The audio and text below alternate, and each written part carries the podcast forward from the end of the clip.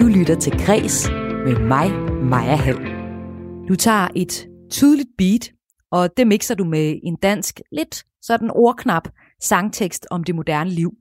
Og så lader du vokalen være sådan en rå stemme, der helst også har lidt følsomhed over sig.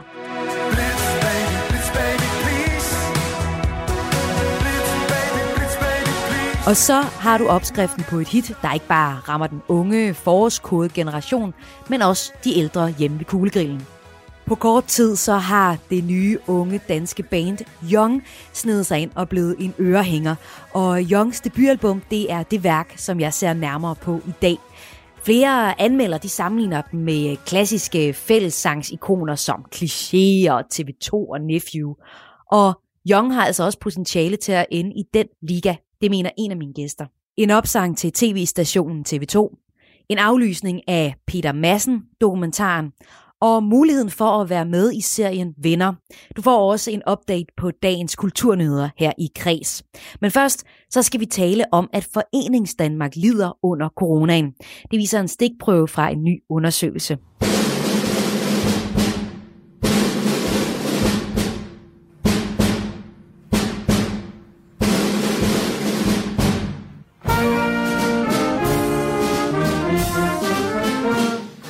Amatørkor, amatørteater, ungdomsbands eller garderorkestret fra Hobro, som vi hører her, de er ikke omfattet af regeringens hjælpepakker. Det vil knække dem, det vurderer bestyrelsesmedlem i Landsgarderforening Benjamin Hansen. Ikke nok med, at de har mistet deres ene store højsæson, altså hele foråret og sommeret, hvor de skulle spille til konfirmationer og bryllupper og byfester og festivaler.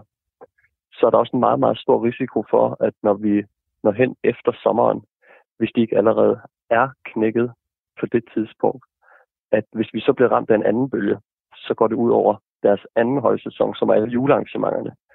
Fordi som alle, der er ingen, der kan nævne en juletræstænding, hvor de ikke har set et garderkort spille. Og det er jo betalte jobs. Så hvis de oven i det her bliver ramt af en anden bølge, så vil vores foreninger simpelthen på grund af, de vil ikke kunne holde til det. Amatørernes kunst- og kultursamråd AKKS er i gang med en undersøgelse blandt deres 150.000 medlemmer.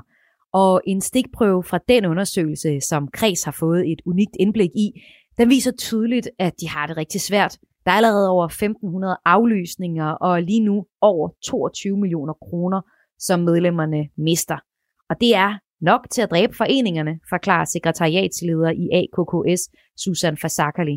Alle dem, som har mange af deres aktiviteter om sommeren, og som øh, skaber en stor del af deres indtægter om sommeren, de er rigtig ramt af det her, og det gælder også mindre lokale foreninger rundt omkring. Problemet er, at de ikke er omfattet nogen hjælpepakker, og Benjamin Hansen fra Landsgarderforeningen viste allerede ret tidligt i coronakrisen, at det ville blive svært for de her garderorkester, som ikke er særlig store, at overleve. Fordi det alle sammen er frivilligt baserede foreninger med små forældre, bestyrelser og frivillige ude i landet. Så på den måde så vidste vi, at det ville blive svært, fordi det er rigtig, rigtig meget at skulle tage vare om og håndtere som en lille forening. Hvordan er I en anden situation end så mange andre kulturinstitutioner? Som et garderkorps er bygget op, så er der nogle, nogle indtægter, hvor at vi er afhængige af, at der er arrangementer. Altså, vi har eksempelvis øh, Danehofgarden i Nyborg, som øh, hver eneste måned har et øh, loppemarked normalt. Øh, og de loppemarkeder, de tjener i gennemsnit 100.000 kroner. Og det er jo det, som har drevet, virks- øh, drevet foreningen. Øh, og 100.000 i gennemsnit om måneden. Det er simpelthen så stor en indtægt for sådan en forening, at hvis der ikke snart sker noget, så kan de ikke køre rundt. Vi har også altså et konkret eksempel for at sætte det lidt i perspektiv. Så har vi Skivegarden, som har mistet det, der svarer, mistet indtægter til det, der svarer til et års undervisning af deres garder. Øh, så vi har mistet alle indtægter, men vi har stadig alle udgifterne. Kan I ikke få hjælp fra nogle af regeringens hjælpepakker? Altså, vi har jo med, med stor anerkendelse set de kompensationsordninger, der er kommet ind til nu. Øh, også den seneste nedsættelse af tilskuerkvarteret på 1000 til 350. Men fordi vi er mindre foreninger, som spiller os til mindre arrangementer, og det er arrangementer, vi ikke selv arrangerer, men vi bliver hyret til. så bliver vi ikke dækket ind under alle de her kompensationsordninger, øh, da vi ikke selv står for dem. På et tidspunkt så bliver der åbnet op for, at arrangementer for under 500 deltagere kan blive afholdt. Ændrer det på jeres situation? Meget, meget lidt. Øh, fordi de arrangementer, vores garderkorps er ude at spille til, det er jo ikke til store arrangementer med, med 500. Øh, men rigtig, rigtig mange er allerede aflyst. Og dem, der allerede er aflyst hele sommeren, de når jo ikke at få stablet det på benene igen, hvis de får lov. Fordi det er et meget, meget stort hvis. Hvad er det bedste, der kunne ske lige nu for jer? Ja, det lyder jo sådan meget koldt og kontant, men øh, vi har brug for, at på de her, vi har fire områder, hvor det, vi virkelig er i knæ med vores foreninger. Det er altså de her tabte indtægter for, for de bookinger, vi har haft. Der har vi brug for en pulje, hvor vi kan støtte vores foreninger, så de ikke bukker under. Så er det alle de andre tabte indtægter, som at hjælpe til på festivaler. Der har vi brug for en pulje på linje med puljen til spejderne, hvor de har fået 2,5 millioner, som skal gives via Dansk Ungdoms Fællesråd, hvor vi også er medlemmer. Øh, og så er det alle de her driftsudgifter, hvor vi også har udgifter til. Vi bliver nødt til at finde ud af, hvordan for eksempel vores lønnede instruktører, som er en del af kulturskolerne og musikskolerne, dem skal vi jo stadig betale løn til. Lige nu er der blandt AKKS' medlemmer stor frustration, fordi hvad er reglerne, hvad er retningslinjerne? Det er svært at vide, men øh, Susan Fasakali, som er sekretariatsleder i AKKS, hun siger også, at de har været lidt sene til at forstå, hvor stor en konsekvens coronakrisen faktisk får for amatørforeningerne. Der sidder stadig folk, ved jeg også, derude og håber på, at de kan gennemføre nogle af deres arrangementer. Så det har været gradvist, at det er gået op for os og vores foreninger, hvor voldsomme konsekvenser det kan have for vores område. Så på den måde så har det været sådan, øh, ja, det har været langsomt, og det, det kommer uden tvivl, måske lyder, det lyder det i hvert fald som om lige nu, til at få konsekvenser langt ind i næste sæson. Og det er jo rigtig, rigtig ærgerligt, at man har svært ved at fatte det på en eller anden måde, fordi at vores område også står for en stor del af kulturlivet ude omkring lokalt. Men det er jo nogle lokale og, og mindre projekter, det her, så går det egentlig ud over særlig mange mennesker? Altså, vi har jo 150.000 medlemmer, dækker vi over, og ja, der er jo rigtig mange foreninger rundt omkring i Danmark. Danmark er et foreningsland jo. Så, og de står for rigtig mange af de lokale kulturelle arrangementer, så det synes jeg da, at det gør øh, for alt det, der bliver spillet rundt omkring af teaterforestillinger for børn og unge, og for øh, og af koncerter, af rytmiske bands og, og alt muligt andet. Altså det bliver påvirket af det her. Vi håber selvfølgelig stadig, at øh, nogle arrangementer vil kunne gennemføres, nogle af de mindre, men det er selvfølgelig svært med de udmeldinger, der kommer i øjeblikket at, øh, at blive ved med at være optimistisk omkring det. I er så gang med en undersøgelse nu, hvor I prøver at finde ud af, hvor store konsekvenser det har for jeres øh, medlemmer. Hvad vil I gøre, når I har samlet undersøgelsen, der nok viser, at det har store konsekvenser, ligesom det peger på nu? Hvad er næste skridt så for jer, Susan? Næste skridt er at prøve at øh, få øh, nogle, altså øh, enten at få adgang til de eksisterende hjælpepakker, Øh, øh, for det har vi ikke rigtigt. Vi falder igennem. Øh, så det forsøger vi selvfølgelig at påvirke på en eller anden måde. Øh, vi så gerne, øh, det skal ikke være nogen hemmelighed, altså idrætten og spejderne har fået en pulje, fordi de står med på mange måder de samme problemer, som vi gør i forhold til deres foreningsaktivitet hele året rundt. Øh, at vi kunne få noget, der måske mindede lidt om det. Øh, så det er sådan noget af det, vi arbejder på. Og så håber vi selvfølgelig også, at kommunerne ude omkring i Danmark vil holde hånden under det lokale kulturliv og, og hjælpe dem igennem. Øhm, jeg ved, at de er opfordret af statsministeren og kulturministeren til at fortsætte med at øh, give tilskud, selvom arrangementer ikke afvikles, øhm, og på den måde øh, hjælpe til. Men, men stadigvæk så er der altså et tab. Der er nogen, der er udgifter, som ikke bliver betalt, og som ikke kan betales. Så det, kan, det betyder mange ting. Altså, vi har spurgt ind til bekymringerne i den her undersøgelse, og øh, der siger de blandt andet, at øh, de er rigtig bange for fremtiden i forhold til frafald af medlemmer, til om de kan holde deres foreninger liv i den, øh, i forhold til det svigtende publikum, og også rigtig bange for, at, øh, at de jo nu kommer til at svigte de professionelle instruktører og dirigenter, som de aflønner. Fordi der, dem bruger amatørerne jo rigtig meget altid. Og dem, øh, dem har de jo så ikke mulighed for at øh, fortsætte med at øh, betale for, for, øh, for deres, øh, den ydelse, de yder. Ikke? Og det, det gør selvfølgelig, at, at man, der, der ryger et, øh, altså det kulturelle økosystem er blevet så sårbart på den måde, at der pludselig er nogle indtægter, der forsvinder der. Det er endnu ikke lykkedes mig her i Kreds at få et interview med Joy Mogensen i forbindelse med den her sag, men jeg arbejder stadig på at få det. Den musik, du har hørt, den kommer fra Hobro Garden, der lige nu øver sammen hver for sig via video.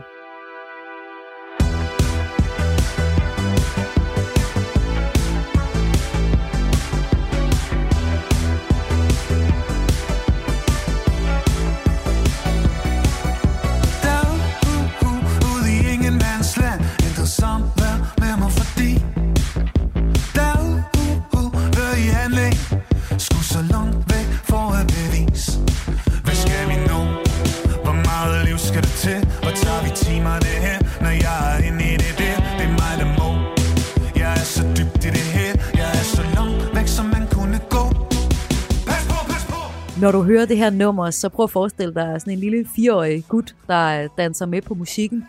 Eller et gammelt ægtepar, der sidder sådan helt øh, trofast og lytter med til en livestreaming af koncerten med Young.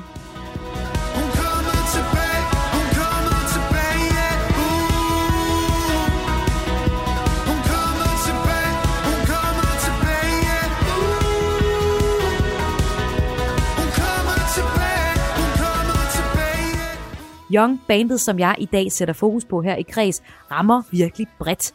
Og det er det tema, som jeg kigger på i dagens udsendelse. Altså, når musik rammer en 4-årig og et 75-årig par. For knap en måned siden, midt under Danmarks nedlukning på grund af covid-19, der udgav Young deres debutalbum. De har kun spillet en enkelt gang sådan live, og alligevel så er Young med udgivelsen af Blitz strøget direkte ind i toppen af listen over de mest solgte og lyttede albums. Og i dag så er det altså dagens værk i kreds. Jonas Young, Michael Hovman og Sigurd Bosen, I er Young. Lad os starte med at zoome ind på en af jeres sange, nummeret Hun kommer tilbage. Hvad er historien bag det nummer?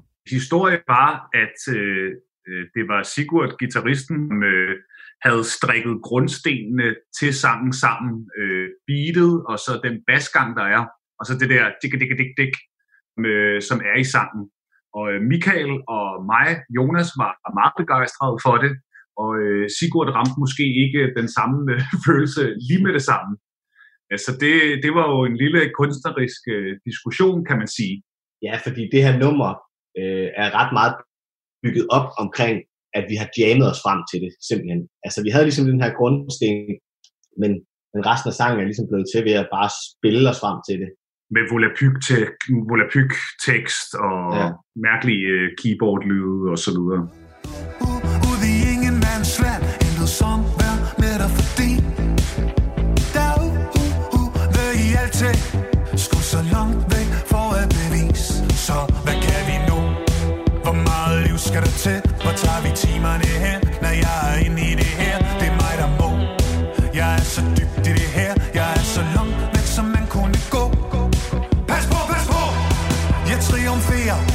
Jeg er så langt væk, som man kunne nå. Lad gå, lad gå. Det eksisterer. Jeg er så langt væk, som man kunne gå. Men nu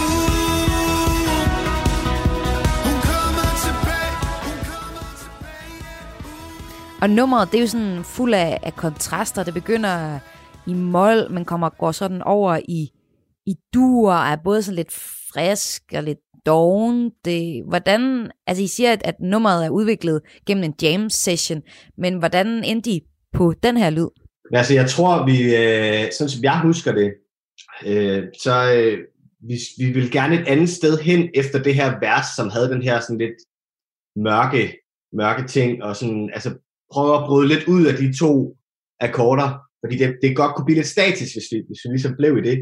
Så vi, jeg tror, som, som jeg husker det, eksperimenterede vi lidt med nogle forskellige ting, og så fandt vi på at prøve, hvad, hvad, hvad, sker, hvad, hvad sker der egentlig, hvis vi bare, altså helt corny, og altså går i dur, fra mål til dur. Altså det er jo sådan et, et farligt trick, hvis jeg, hvis jeg skal sige det i hvert fald.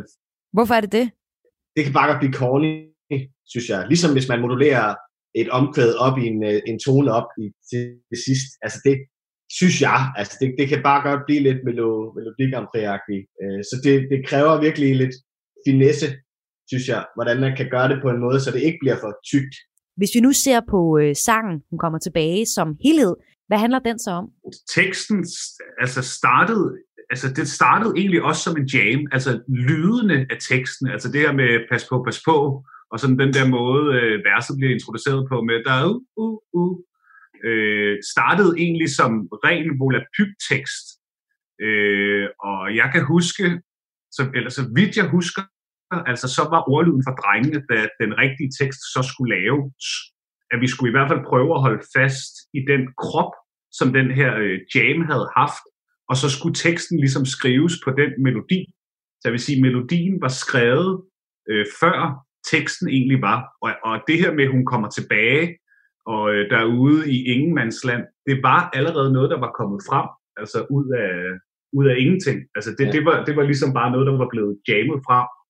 Så det var ligesom med det udgangspunkt, at øh, teksten blev skrevet og, og blev til det, den blev. Jung, I bliver øh, sammenlignet med bands som Cliché og TV2 og også uh, Nephew. Det er jo egentlig ikke bands, ved jeg, som I selv har lyttet rigtig meget til, men I har et kæmpe hjerte, der banker for popmusik. Hvor kommer uh, inspirationen for, uh, til den her musik så egentlig fra? Jeg tror, jeg tror, vi alle sammen elsker den gode sang. Så, øh, så det kan både være netop Taylor Swift, eller Bob Dylan, eller The Strokes. Er det sådan den gode sang, eller den gode idé, eller det fede riff, eller sådan, ja. Den fede reverb altså, på ja. den anden stemme et eller andet sted, ja. den, den har vi hurtigt haft, altså kom ret dybt i det sammen, hurtigt.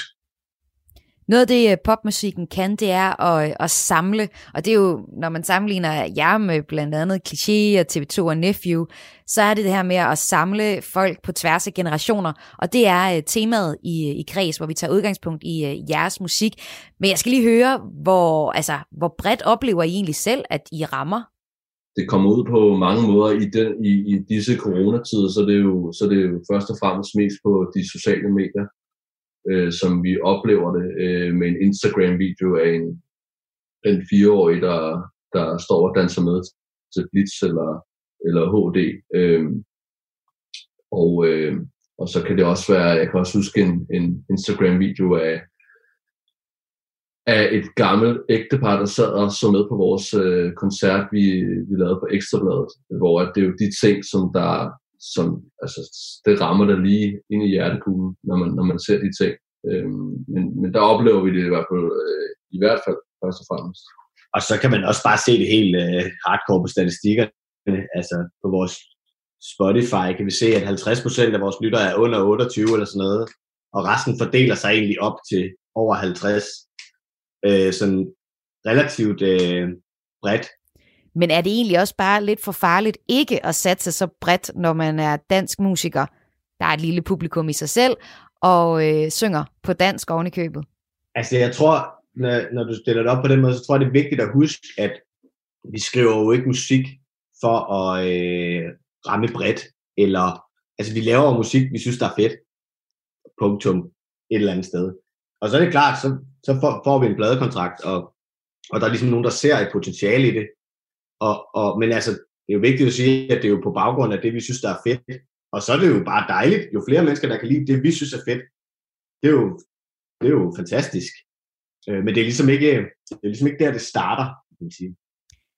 Tak til jer, Jonas Jong, Michael Hovmann og Sigurd Bosen.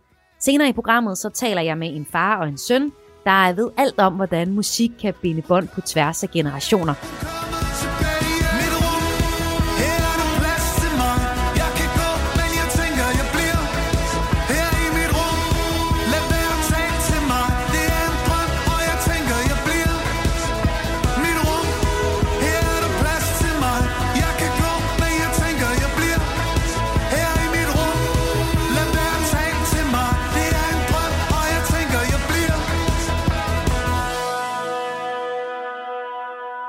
En opsang til tv-stationen TV2, aflysning af en Peter Madsen dokumentar og muligheden for at være med i serien Venner.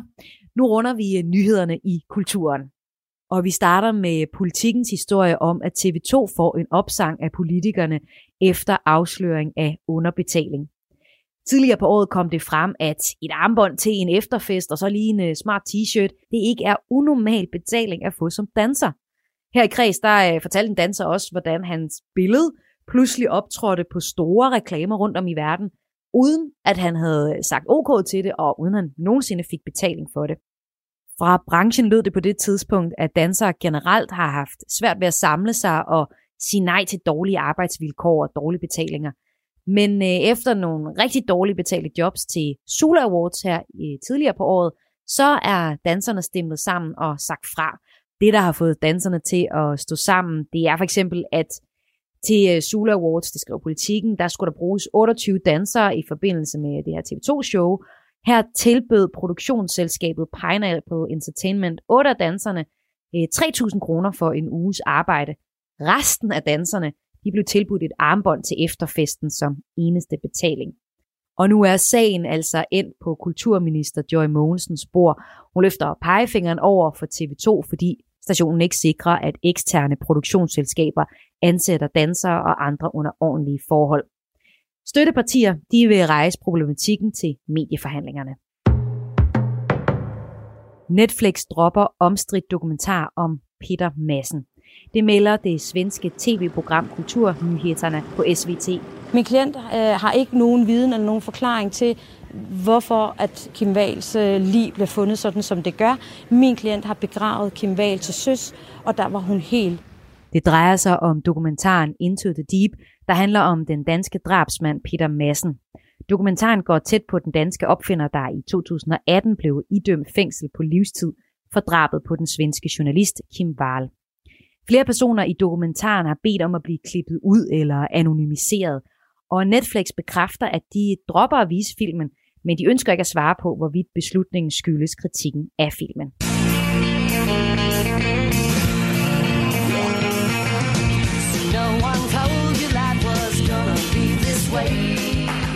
Stjerner fra Venner inviterer fans med til optagelse af et reunion-afsnit. Det er nok en af de mest øh, omtalte genforeninger i tv-historien, når stjerner fra den voldsomt populære serie Venner igen mødes for at filme et såkaldt reunion-afsnit. Optagelserne, der skulle have fundet sted her i maj, er dog udsat på grund af coronavirus, men nu får seks fans mulighed for at være med, når det bliver muligt for skuespillerne at samles igen, skriver nyhedsbureauet Reuters. Stjernerne fra Venner har nemlig besluttet at udløje muligheden for at være med på sættet i et stort lotteri, hvor pengene går til udsatte, der har svært ved at klare sig i coronakrisen. Man skal altså godt nok lige være bosat i USA eller Kanada for at deltage i konkurrencen. Det er stadig meget fedt.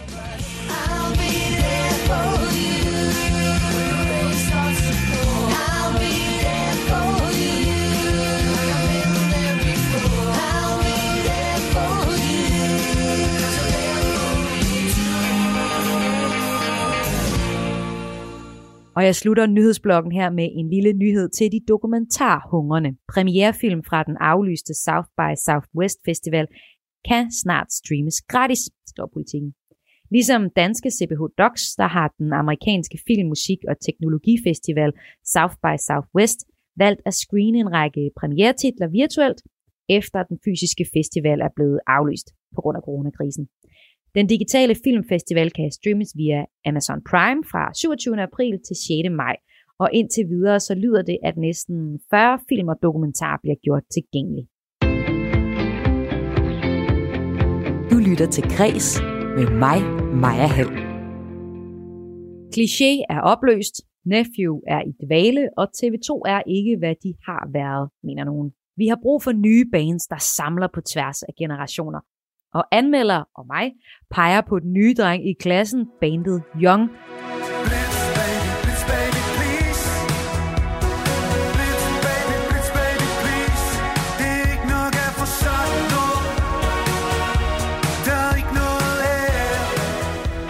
Selvom Young på grund af coronakrisen ikke rigtig har haft mulighed for at møde sine fans endnu, så oplever de allerede at få tilsendt videoer fra familier, der sammen synger med på deres sange.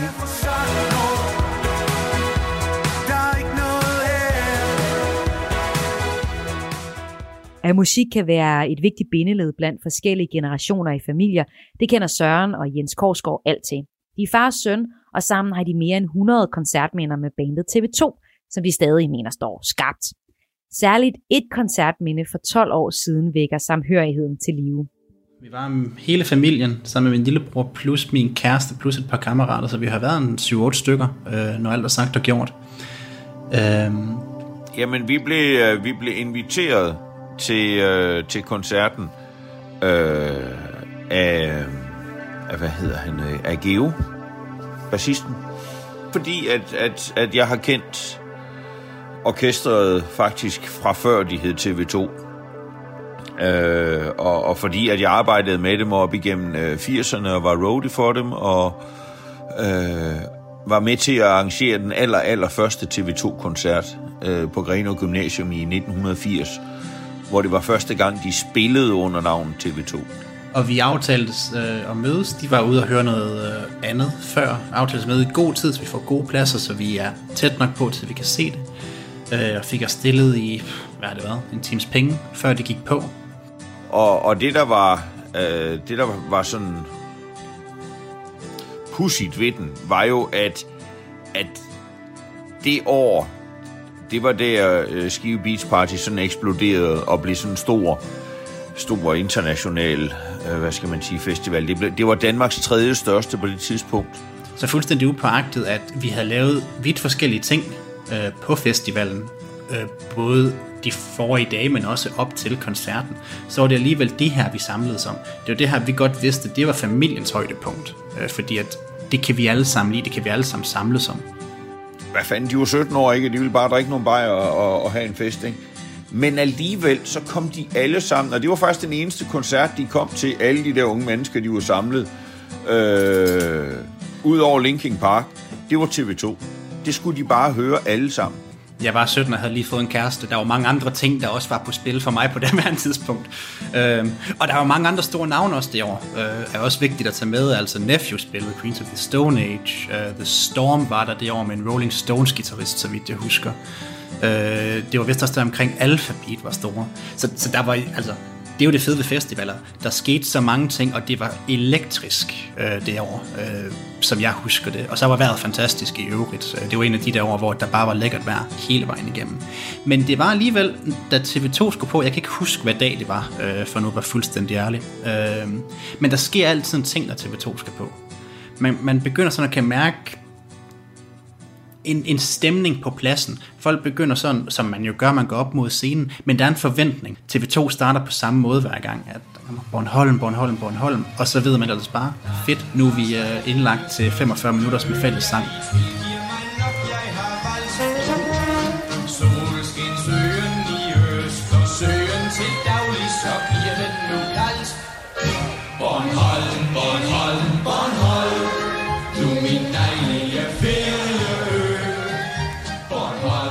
Jamen, der var sådan en, en magisk... Jeg synes, der var en magisk stemning over det. Øh, jeg synes, øh, altså dels så var, så var det det her pisse gode vejr, ikke? Og, og det var varmt, og, og, øh, og vi var sammen med, med de her unge mennesker, som bare var, var helt vildt glade, ikke?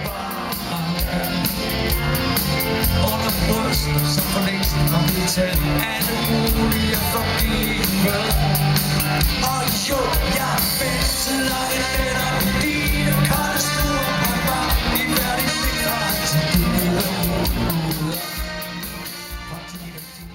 Deres tekster rammer der egentlig øh, sådan på et overraskende lavpraktisk niveau. Øh, det, selvfølgelig er Steffen Brandt god til at skrive i meget, meget flotte metaforiske vendinger, men i virkeligheden er det en enormt lavpraktisk tekst, hvor han kommenterer på livet som sådan. Øh, og når man er 17, så har man rigeligt brug for, at der er nogen, der forsøger at give en lille smule mening til alt det kaos, der foregår i ens verden.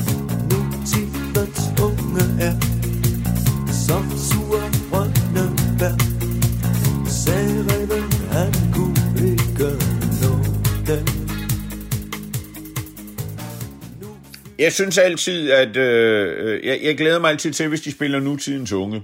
Jamen, fordi jeg synes, at, at dels har de lykkedes øh, øh, rigtig godt med at lave nogle live arrangementer som er anderledes end en, øh, en studieindspilning. Og så hygger de sig med dans og musik Fester, fodbold og matematik Så snakker de om økonomi og tegner den fremtid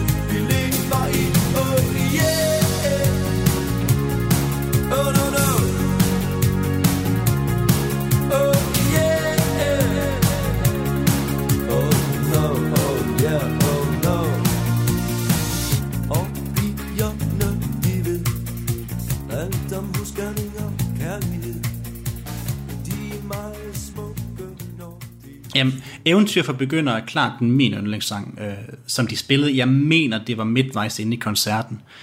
Øh, og det er virkelig en af de sange, hvor alle synger med øh, på omkvæd. Den har lidt et sværere øh, vers øh, at huske, fordi at ja, Steffen Brandt er jo øh, notorisk kendt for at kan være en lille smule, øh, skal vi sige, tunge rullende med hans tekster, men, men alle, alle på den plads sang med. Og det var smuk som var mere end nok.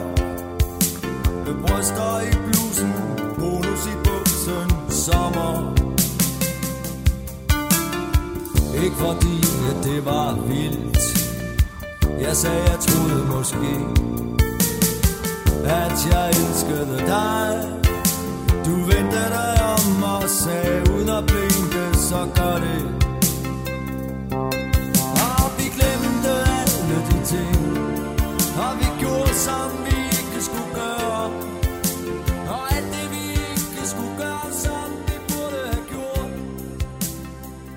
Altså, dels kan Steffen noget med, øh, med hvad hedder det, øh, med, med, med at, at skrue en pissegod tekst sammen. Men det er jo ikke fordi, altså de er bundsolide musikere, og de spiller fedt. Men det er jo ikke fordi, at man, man tager til en TV2-koncert og tænker, jeg vide om Hans Erik, han nu har tryllet en eller anden fantastisk fed guitar solo frem. Nej, det har han ikke. Han spiller det samme, som han gjorde sidste gang, i grove træk. Men genkendeligheden øh, er med til at danne det der, hvad skal man sige, langtidsholdbare øh, projekt.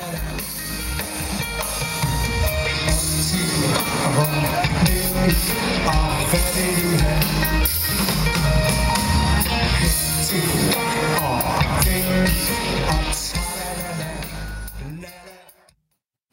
handler jo om at skabe den her... Øh, for mig at se, så handler det om at skabe noget forståelse og noget... øh, Og et fælles grundlag for, for dialog også. Det er jo noget af det, som, øh, hvor TV2 sang nogle gange kan provokere en lille smule også, og virkelig forsøge at sætte spørgsmålstegn ved. Øh, nogle helt fundamentale ting, både samfundsmæssigt, men også i os selv. Øh, og for os var det i hvert fald øh, i bilen på vej hjem, for eksempel, når vi havde været øh, til koncert, var det jo noget, vi ville snakke om. Øh, noget, vi ville vende, noget, vi ville analysere for 800. gang. Øh, men ikke desto mindre, øh, så var det noget, vi gjorde, fordi det hjalp os til at i talesæt nogle ting, som vi nok ellers ikke ville i talesætte. Øh, og jeg håber, at jeg håber, at folk, der ikke gør det, vil, vil forsøge at gøre det, havde jeg nær sagt. Så kan det godt være, at det ikke øh, kun er omkring øh, TV2, men musikken i det hele taget øh, bør bruges i min verden som et samlingspunkt for folk, for familie, for folk, der elsker hinanden.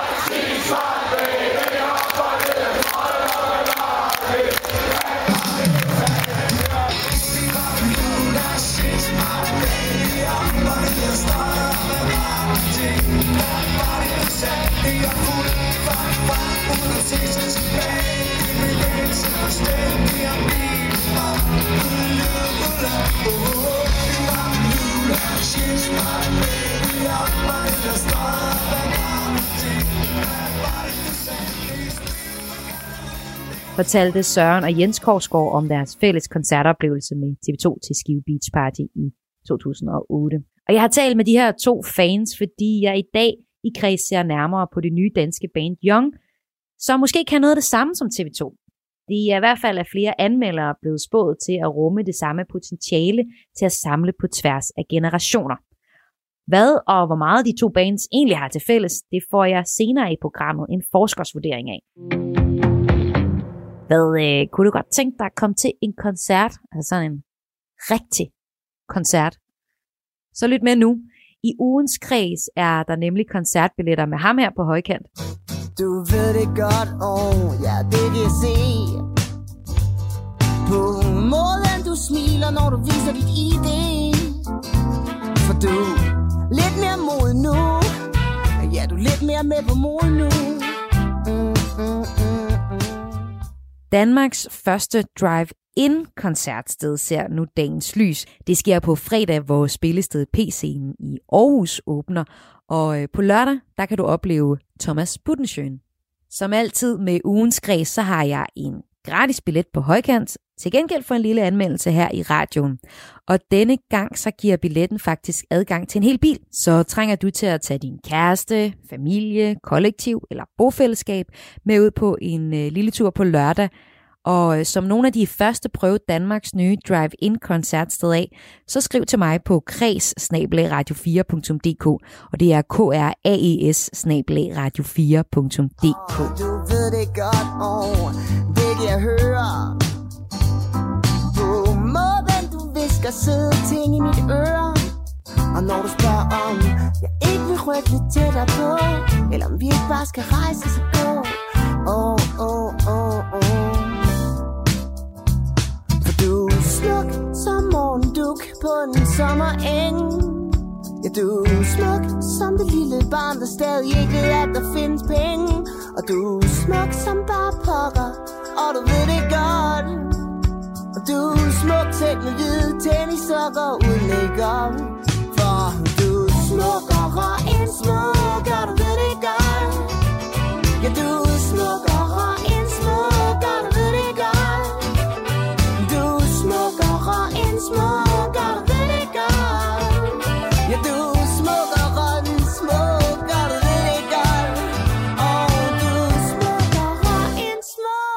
Altså selvom at Thomas Budensjøens musik er meget glad og håbefuld, så vil jeg virkelig gerne finde ud af, om der er håb for det her koncertkoncept.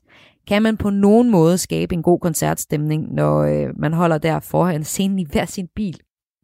Skriv til græs radio4.dk, så sender jeg meget gerne dig med ønsket påhæng derind og hører din dom. Og du sender en mail til kraes radio4.dk. Anmelderne er enige om en ting i forhold til dem her.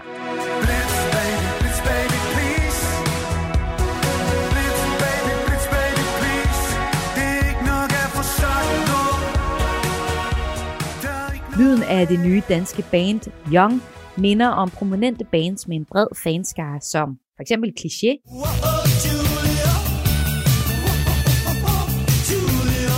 TV2 tænker på dig, ja,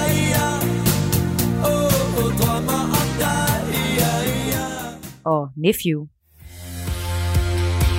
Men når vi kommer igen for, og gør det igen, så, så vil I høre det igen, og igen og igen. Om Youngs lyd har styrke til at skabe fællesang om 40 år, det kan tiden jo kun vise. Men øh, sammenligningen er i høj grad berettiget, det mener musiker, musikforsker og lektor på Rytmisk Musikkonservatorie Henrik Marstal. Da jeg lyttede til Jungs debutalbum, så slog det mig med det samme, hvor meget det øh, refererede til et af de her store hovedspor i, øh, i nyere dansk øh, musik. Øh, det her hovedspor, der går tilbage til begyndelsen af 80'erne, som jo altså er en, øh, en særlig måde at øh, approache bandet på, rockbandet på, hvor det er blevet øh, i, i, i begyndelsen af 80'erne gjorde TV2 og Cliché blandt andet, øh, også mange andre bands, Scatterbrain øh, øh, og andre solister, også man kunne høre det på Elisabeths debutalbum fra, fra begyndelsen af 80'erne også. Man kunne høre, at uh, synthesizer begyndte at spille en meget større rolle, og at uh, trommerne til dels eller helt blev skiftet ud med trommemaskiner, altså beats i stedet for. Nogle gange var bassen også erstattet af en synthbass, øh, der, i, stedet for en elektrisk bas. Og det her nye lydbillede, som jo øh, øhm, øh, det, det, det viser bare, at det var en, øh, det ramte en eller anden over i måden at formidle dansksproget musik, popmusik på. Øhm, og i hvert fald så skete der det, at øh, det her det blev ligesom stående, altså første, første halvdel af 80'erne har været, viser at være en form for guldalder for, øh, for dansk musik, som mange sidenhen er vendt tilbage til og har dyrket. Og øh, i og med, at især TV2 blev så store, som de gjorde i øh, 80'erne, så den der lyd med øh, trommaskiner og med meget synthesizer, den kom til at øh, blive, øh, som jeg siger, begyndelsen på et hovedspor, som så blev samlet op efterhånden af nyere bands, øh, især måske da Nephew brød igennem i begyndelsen af 00'erne, så kunne man høre, hvor meget de øh, stod i gæld til den måde, hvorpå øh, TV2 og Cliché havde gjort tingene. Og, øh, og det tænker jeg øh, var øh, påfaldende, at man så tydeligt kunne høre, hvor meget de har lyttet til de her ting. Men Nephew gjorde det selvfølgelig på en helt anden måde. Og efterfølgende kan man tale om Minds 99, måske øh, det nye band, der hedder Joyce, øh, måske et andet nyt band, der hedder Kom Vi Løber, som altså har nogle af de samme elementer i deres måde at gribe tingene an på, som jeg simpelthen synes øh, peger i retning af, at vi har et stærkt hovedspor her, som Jung nu lægger sig i slipstrømmen af. Hvorfor var det Ja. ja. præcis i 80'erne, vi så det her skifte? Jamen altså, det er jo, det er jo, det er jo fordi, at øh, der i slut 70'erne øh, er en meget stor øh, innovationskraft til stede i popmusikken eller rockmusikken, ikke bare i Danmark, men alle mulige andre lande. Altså punkkulturen sætter en hel masse nye ting i gang. Der kommer nye generationer af musikere, der, der, der tilnærmer sig eller tilegner sig og øh, eller hvad skal jeg sige, laver musik på, øh, på lidt nye måder, fordi at elektronikken kommer til at spille en større rolle. Og øh, det er der altså nogle danske baner, som er ret kreative og gode til at gøre, som er nogle af dem, jeg nævnte. Og, øh, og så det handler altså om, at der er en teknologi inden for trommaskiner og synthesizer, der kommer til verden, og som øh, er kommercielt øh, øh, bæredygtige, forstået på den måde, at de er til at købe for øh, almindelige penge, selvom man er ung og måske ikke har så mange af dem. Øh, og så lykkes det altså at sætte det her i gang. Så det er ligesom derfor, at det er i, i, i begyndelsen af 80'erne, at det her går i gang. Og man kan sige, at det er et hovedspor. Der er jo flere hovedspor i dansk musikliv, men det, det er altså et af dem, der begynder at, øhm, at dominere. Så man kan sige, for at vende tilbage til Jung, kan man sige, at de vinder jo umiddelbart på den her genkendelighed. Øhm, umiddelbart gør det det, måske gør det det også på længere sigt. Altså der er noget med, at de rammer en, øhm, en, en over hos den modtagelige lytter, som vedkommende på en eller anden måde kan genkende og høre før. Og det tror jeg er, er, kan være meget vigtigt for oplevelsen af, om man synes, at noget musik er godt. Det er, at man føler sig inviteret inden for universet, fordi man går ind i universet som lytter med nogle elementer, man allerede kender i forvejen. Jeg siger ikke, at det her det foregår på et bevidst plan. Det er ikke engang sikker på, at det gør for bandet selv, men det er altså nogle af de øh, et, hvad skal jeg sige, betingelser, der, er til, der skal til for, at det band som Jung bryder igennem. Så det handler måske ikke kun om, om deres sange opleves som vedkommende. Det handler altså også om, hvorvidt øh, der, den måde, de laver sangene på, er noget, man, man genkender. Hvis vi så ser på de her bands sådan, øh, på en bred kamp, hvad, øh, hvad, hvad kan du ligesom sige, de har øh, til fælles rent musikalsk? Nu har du både nævnt øh, de her beats og øh, de elektroniske trommer, men, øh, men er der noget andet, som øh, værd at hæfte sig ved?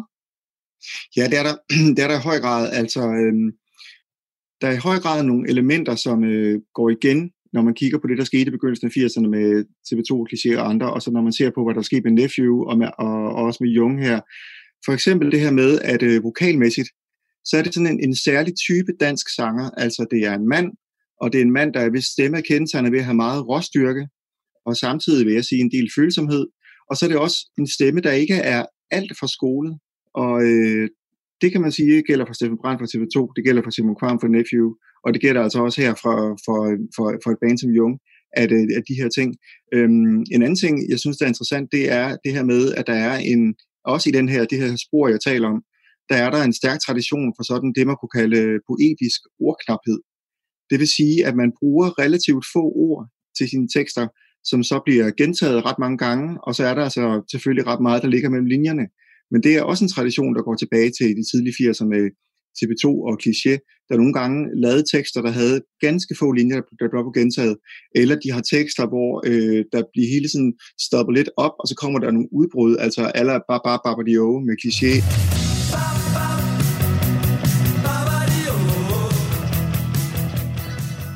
Øh, med TV2, der er også nogle var der, hvor altså musikken ligesom stopper op, og det, der sker i teksten, der bliver informationsniveauet i teksten meget, meget lavt, fordi det, man hører, det er en rytme, eller det er nogle ganske få ord, der bliver gentaget meget, mange gange. Det var også noget, som øh, Nephew i meget, meget høj grad overtog, og som jeg øh, har kunne se, øh, måske knap så meget med Minds 99, men i hvert fald også med Jung, at, der, at teksterne ikke fylder så meget. Så det er også et spor. Et, øh, et, et tredje spor, jeg kan se, det er det der med, at man til dels synger om den moderne verden, man lever i. Øh, da TV2, øh, på da TV2's første albums øh, var der en hel del sange, som beskæftigede sig med øh, den her farver nye verden, vi levede i, hvor vi havde alle mulige elektroniske hjælpemidler og gode ting og sådan noget der. Øh, TV2 sang for eksempel en del om, om fjernsynet eller om tv'et, og, øh, og samtidig var der jo en bagside ved det. Det var også en kritik af en verden, der var blevet for fokuseret på det materialistiske. Og der har Jung den her sang, der hedder HDTV. Vi tog timer med Leo, så vi bruger medicin.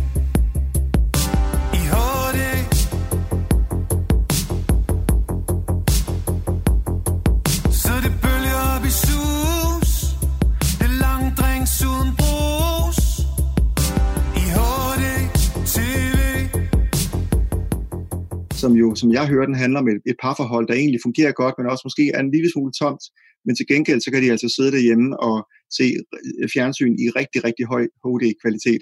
Øh, som jo er, for mig at se, en eller anden, anden skjult kritik af, at rammerne for det liv, vi lever, de er rigtig, rigtig gode, men indholdet lader måske lidt tilbage at ønske.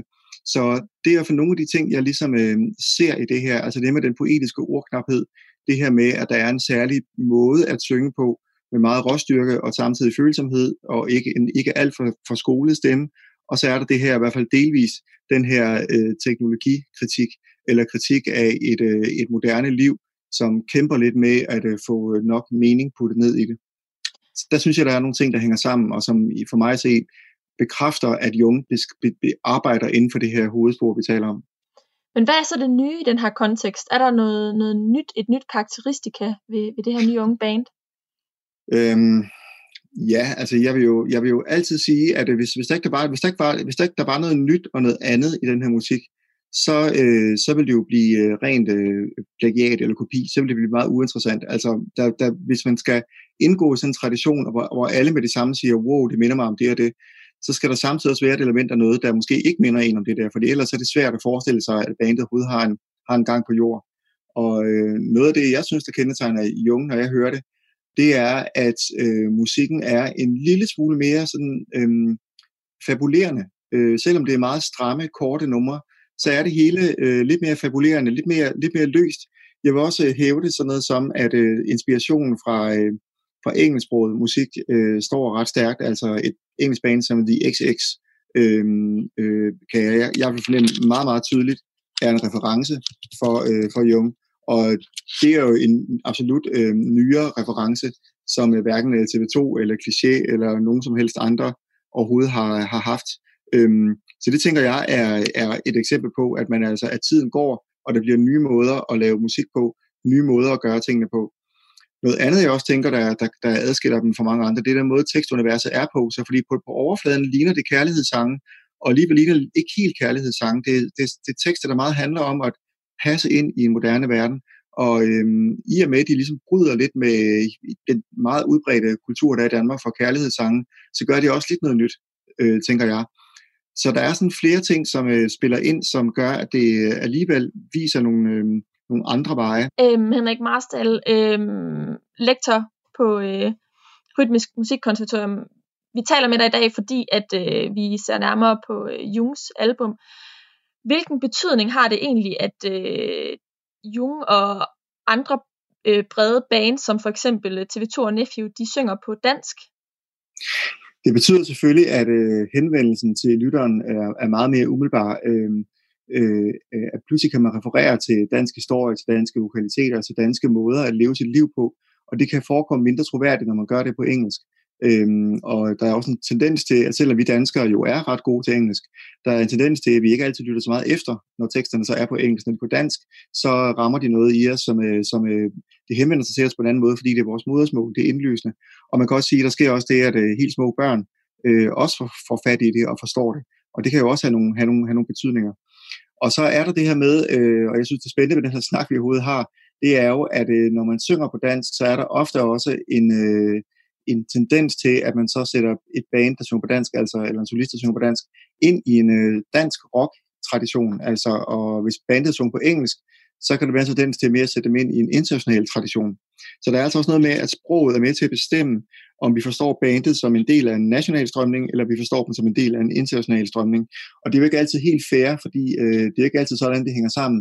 Men jeg tror at bare det, at, det, at man, man hører tekster på dansk, de er altså med til at øh, bekræfte indtrykket af, at her arbejder man inden for en særlig bestemt national ramme.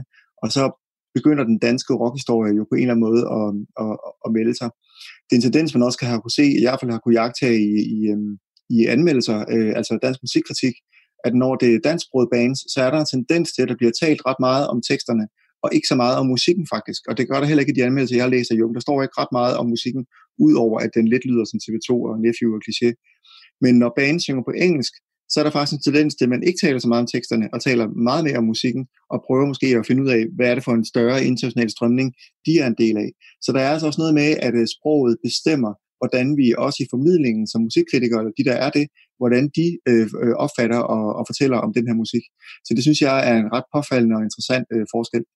Men hvis vi ser på, på Jung her, så, så udspringer bandet også af en stor forkærlighed til, til popmusik. Nu nævnte du selv rock lidt tidligere, men, men, men der er jo det her det er jo lidt den her hybrid pop-rock, øh, og der er jo nogle pop-elementer, øh, og ja. dermed også et potentiale til at, til at ramme bredt. Hvorfor er det egentlig, at, at popmusik det er så populært blandt alle øh, aldersgrupper? Det ligger i ordet pop, at det er den musik, der det enten har den bredest mulige appel til folk, eller også arbejder for at, øh, have nogle virkemidler, som appellerer bredest muligt, og nogle gange så hænger de, de to ting jo sammen.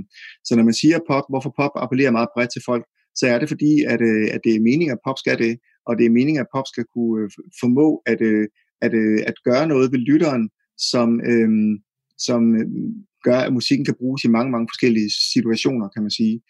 Og øhm, en, af, en af de ting, der kendetegner god popmusik, det er måske, at den både kan fungere som forgrundsmusik og baggrundsmusik. Det vil sige, at du kan lytte på det, øh, og selv du laver alt muligt andet ved siden af, i går laver mad, eller sidder og arbejder, eller er på en restaurant, eller sådan der, og samtidig så kan du sætte dig ned og lytte på det, koncentreret med hovedtelefoner, og få noget ud af det. Det fungerer på begge niveauer. Og der kan man tale om for eksempel heavy metal, det kan have svære ved at fungere som baggrundsmusik, fordi at, øh, at der, det er så opmærksomhedskrævende, at man næsten er nødt til at sætte sig ned og lytte koncentreret på det, for, for at få noget ud af det. Så det er en ting, som jeg, der kendetegner pop, det er den der dobbelthed, at den både fungerer som noget, der kan lyttes koncentreret på, og så skal det selvfølgelig helst være spændende, være gode tekster, være gode melodier osv., gode arrangementer. Og så kan den altså også bruges som noget, man bare kan høre i, i baggrunden. Og øh, Henrik øh, Marstal, her til slut, øh, tror du, at Jung er øh, et band, vi om 30 år vil lytte til på samme måde, som vi i dag lytter til TV2? Wow, øh, det er et meget, meget, et meget svært spørgsmål at svare på.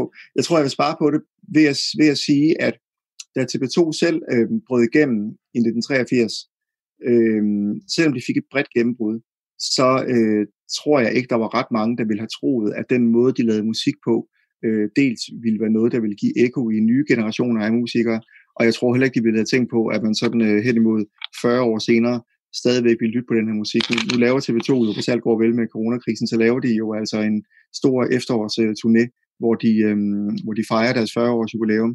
Og øh, jeg tror ikke selv, de havde troet, at det ville kunne strække sig over så utrolig mange år. Men det kunne det altså, fordi de var med til at, at ramme en år, som er blevet holdt i live af andre bands, og når TV2 stadigvæk er populær, så tror jeg også, det skyldes, at det band som Nephew er kommet imellem, et band som Mighty 99, og nu også måske Jung er kommet igennem, som altså overfor især yngre lyttere måske, er de med til at på en eller anden måde endorse eller bakke op om, at den her særlige måde at lave musik på, den er altså god nok. Sagde musiker, musikforsker og lektor på Rytmisk Musikkonservatorium Henrik Marstal til min kollega Karoline Kær Hansen.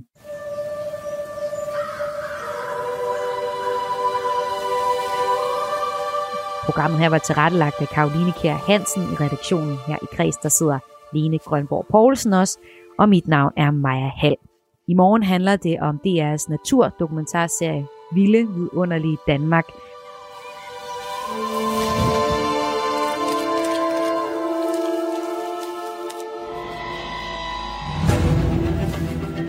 En dokumentarserie, der deler vandene. Nogle mener, den er for plat og romantisk, og der skal overhovedet ikke være brugt bluescreen til at lave nogle af de flotte billeder. Andre synes egentlig bare, at det er en fed måde at vise den danske natur på. Lyt med i morgen, hvor jeg taler om en scenesættelse af naturen i kunst og kultur.